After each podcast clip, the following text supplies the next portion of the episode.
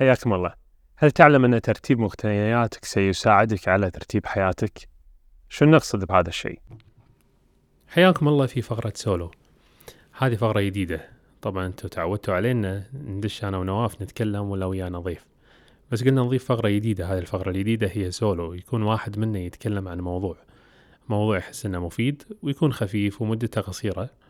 نتكلم فيه ونشارككم الفوائد في هذا الموضوع وفي هذه الفقرة.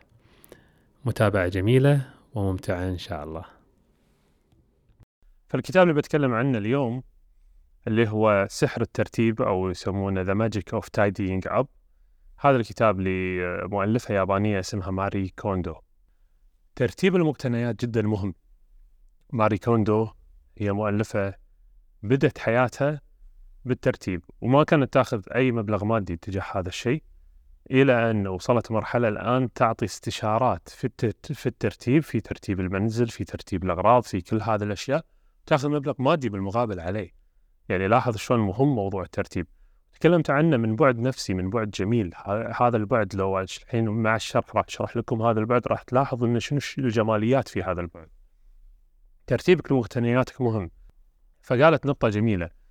قالت أول شيء إذا رتبت يعني خلينا نقول أو إذا إذا عندك مشكلة في ترتيب الأوراق والكتب يعني وإذا رتبت الأوراق والكتب راح توصل إلى مرحلة لصفاء ذهن وعقلك راح يرتاح وراح يبدي يتغير. فقالت أي أي أي لخبطة في الكتب أو أي عدم ترتيب في الكتب يأثر على عقلك. هذه نقطة وايد مهمة. فقالت من بدايتك لما تبدي ترتب وتتخلص من الكتب اللي انت ما تحتاجها والأوراق اللي ما, ما تحتاجها راح تلاحظ انه بدأ عقلك يتفتح ذهنك يتفتح بدأ تركيزك يزيد بدأت أشياء وايد في عقلك تبدي تستفيد منها وتبدي تتغير. بعدين انتقلت للخطوة الثانية والنقطة الثانية اللي هي نقطة ترتيب مستحضرات البشرة والتجميل. فقالت مستحضرات البشرة إذا بديت ترتب فيها وبديت تقط من هذه المستحضرات اللي أنت ما تحتاجها وخليت فقط اللي أنت تحتاجه وبديت ترتب في هذا الجانب وفي هذا الخط وفي هذا اللاين راح تلاحظ إن بشرتك تبدي تصفى. يعني تبدي تصفى وتبدي تتحسن للأفضل. السبب أنت واحدة من الأبعاد النفسية في هذا الموضوع إنك لما تحط أنت مستحضرات لتنظيف البشرة أو خلينا نقول لتحسين البشرة فكأنك أنت قاعد ترسل دليل وقاعد ترسل رسالة إن بشرتك سيئة أو بشرتك مو زينة وتحتاج إلى تحسين. فأنت لما تبدي تتخلص لما تبدي تتخلص واحد من الأشياء الشغلة الأولى لما تبدي تتخلص أنك كأنك قاعد تعطي رسالة أن أنا قاعد أعطي اهتمام لبشرتي. شيء ثاني لما تبدي تتخلص راح تبقى أشياء قليلة فراح تركز وتبدي تستخدمها. فأيضا راح تتحسن من الجانب المادي بشرتك. فمن الجانبين راح تتحسن عندك البشرة. هذه النقطة الثانية. اللي تكلمنا عنها. النقطة الثالثة اللي بندش عليها الحين اللي هي ترتيب خز... خزنة الملابس. ملابسك نفسها ترتبها. تبدي تتخلص من الملابس اللي أنت تحس إنها قاعد تأذيك ولا قاعد تضايقك ولا في ارتباط عاطفي وياها ولا في ارتباط نفسي معها فخل أعطيكم قصتي على هذا الشيء. كان عندي ملابس كثيرة لما ألبسها صغيرة علي يعني حجمها صغير. ما أقدر ألبسها أصلا بالأساس. فيوم بديت أتخلص منها وكنت مرتبط فيها لسبب. اني قاعد أقول بيني وبين نفسي لما ينزل وزني راح احتاجها وراح البسها. فلما بديت اني اتخلص منها وارميها وبس بديت آه، قبول تام لجسدي الحالي بالفترة الحالية وبديت اشتري ملابس ابي البسها الان بدأ وزني ينزل بدأ بدأ بدأ شكل وزني حتى كشكل وكوزن بدأ ينزل. وبدأت الملابس اللي عندي تصير وسيعة علي بعدين رحت اشتريت ملابس على مقاسي الحالي. البعد النفسي في هذا الموضوع إنك أنت في حال لنفرض إنك أنت حاط ملابس صغيرة عليك جدا أو كبيرة عليك يعني هي مو فت عليك فأنت في حالة مقاومة لوضعك الحالي. تبي الوضع الثاني المختلف اللي أنت تبي توصل له سواء كان نزول أو زيادة. بس مجرد ما تتخلص منه اللي راح يصير معاك كأنك قاعد تقول أنا أقبل جسدي الآن 100% قبولك لجسدك الآن 100% يبدأ منه التغيير. التغيير لا يبدأ من المقاومة. مجرد مقاومتك استمرارك في المقاومة هذا راح يخليك تزيد. فكل شيء تقاومه يقاومك. حط في بالك هذا الشيء. أي شيء تقاومه يقاومك. نفس المغناطيس. نورث ونورث آه، جنوب وجنوب شمال وشمال. لما تحطهم مع بعض مقاومة. فأي شيء مقاومة راح تطلع بالمقابل مقاومة. فمقاومة مع مقاومة يصير في تنافر. عشان كذي مهم إنك تحرص على هذا الشيء. بعدين تكلمت ماري كوندو عن موضوع حلو قالت كيف تتخلص؟ كيف تتخلص من الأشياء؟ يعني أنت الحين عندك شيء وهذا الشيء تبي تتخلص منه. وناخذ مثال على هذا لو نفرض أن عندك هذا الكتاب. وهذا الكتاب تحس إنك أنت مو محتاجه. القاعدة الأولى عشان اللي تسويه مع هذا الكتاب تسأل نفسك السؤال الأول هل يجلب لي البهجة وتقول يعني تركز على هذا الشيء إنك لازم تمسك الكتاب تستشعر الكتاب أو الملابس تمسك الملابس تستشعرها وتقول هل يجلب البهجة في حياتي هذا الكتاب؟ إذا نعم يجلب البهجة أحتفظ فيه. إذا لا أحس إنه ما في بهجة ما في جوي وأنا أمسكه ما أحس بمشاعر بهجة راح أشكره على وجوده معي واتخلص منه. يعني أوزعه. بس نقطة التوزيع هذه راح نرجع لها بعد شوي توزعه حق منو؟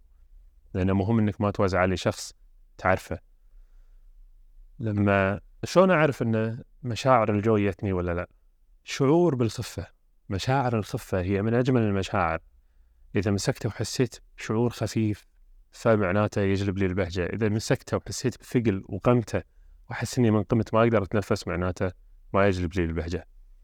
فإذا جيت الحين بتخلص منه. من المهم إني أنا ما أعطيه شخص أعرفه. السبب كل ما إذا أعطيته شخص أعرفه البعد آه، النفسي في هذا إن لما أنا أشوف الشخص ماسك هذا الشيء ولا يستخدم هذا الشيء تبدي نفسي تشتاق لهذا الشيء وأحس إني ابيه وأحس إني وأبدي أندم. مشاعر الندم هذه اللي هي ما نبيها. راح أحس بمشاعر ندم إني أعطيته شخص. أقول لو إني مخليه عندي ما كان أحسن. فمن كذي أحسن إنك لما تيجي تتخلص منه تعطيه شخص ما تعرفه شخص تحس إنه محتاجه ولكن ما يعرفه. وأيضا واحدة من الأشياء الجميلة لما أنت تتخلص من مقتنى من مقتنياتك اللي راح يصير وياك إنك أنت حررت الشيء. أنت حررت نفسك وبعدين حررت هذا الشيء. هذا الشيء كان موجود عندك وما كنت تستخدمه وما كنت تعطيه انتباه. اللي صار معك لما جيت أعطيت شخص آخر خذاه وتحرر هذا الشيء منك وبدأ يستخدم عند الشخص الآخر فمن فمهم إني أنا لما أجي أعطي الأشخاص راح ألاحظ شغلة إني أنا تحررت وهذا الشيء تحرر وإني أنا صار عندي مساحة فاضية وبديت أستخدمها في أشياء ثانية وإن هذا الكتاب بدأ يستخدم عند الشخص الآخر في أشياء ثانية وفي بعد ثاني. لاحظوا الأبعاد الجميلة بالترتيب. لما نيجي على الترتيب قلنا هذا ترتيب المقتنيات، ترتيب الأشياء المستخدمة. أيضا في ترتيب ثاني تكلمت عنه هو ترتيب الجهاز مثلا ترتيب هاتفك من البرامج الزائدة. عندك برامج كثيرة في هاتفك هاي البرامج تستخدمها؟ في برامج ما تستخدمها. البرامج اللي ما تستخدمها قاعد تعمل لك زحمة في في جهازك لدرجة إنك ما تلاحظ البرامج المهمة اللي من المهم انك تستخدمها. نفس الشيء مع الثلاجة. لما تفتح الثلاجة تلقى الأكل. تلقى في أكل أنت قاعد تستخدمه في أكل ممكن منتهي مدته أو ان أنت ما تستخدمه. شاري فقط لأن دعاية إعلان من الإعلانات طلع وغالبا الإعلانات تطلع وتحاول تلامسك بأي طريقة لدرجة إنك تخليك تشتري الشيء حتى لو ما كنت تحتاجه. لما تجي للثلاجة وت... وتأخذها إلى صنفين، صنف المأكولات والأشياء اللي أنا أكلها وأستخدمها وجانب ثاني اللي أنا ما أستخدمها. فأنت على الجانب مثلا لو تيجي تحط اليسار تحط الأشياء اللي أنت قاعد تأكلها وقاعد تستهلكها، وعلى اليمين الأشياء اللي أنت ما تستهلكها. مو شرط إنك تتخلص منها في هذا الجانب في الثلاجه لأنه ممكن إنها تكون لأحد ثاني في المنزل. فأنت اللي راح تسوي راح تعمل لك زاوية خاصة أو جرارة خاصة باسمك فيها مقتنياتك. فهني زاد تركيزك. لما تفتح الثلاجة راح تروح لمقتنياتك بالضبط فراح تبدي تستهلكها أكثر وراح استهلاك لها يزيد. بس الحين لما تفتح الثلاجة وتلقاها آه، عايمة خلينا نقول فيها كل الأشياء وداخلة على بعض ما راح تعرف شنو هي مقتنياتك. غالبا راح تضيع وراح تتوتر وراح تشوف هذه الأشياء وما تقدر تتخذ قرار لأن كل ما زادت الأغراض كل ما صار صعب اختيار القرار كل ما قلت وتخصصت الأغراض والمقتنيات كل ما صار سهل اتخاذ القرار. نفس هذا على الملابس. لما أنت تفتح وتلقى بس الملابس اللي تستخدمها العدد أقل فالاختيار أفضل واتخاذ القرار أسرع. واصلا العدد أقل ومرتب. بترتيب محدد لأنك أنت بديت ترتب بديت تتخلص فبعد التخلص بديت ترتب مقتنياتك فراح يكون سهل إنك ترجع لها سهل إنك تشوفها وسهل إنك تأخذها فراح يكون استخدامك لها 100% تذكر هذا الشيء تذكر هذا الموضوع موضوع ترتيب موضوع الترتيب جدا مهم وجدا قيم وراح يفيدك وراح يبدي يغير حياتك.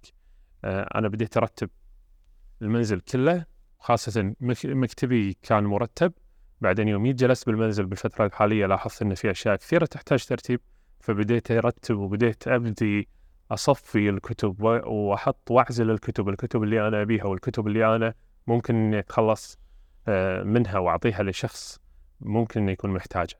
يعطيكم العافية ونلقاكم على خير. مع السلامة.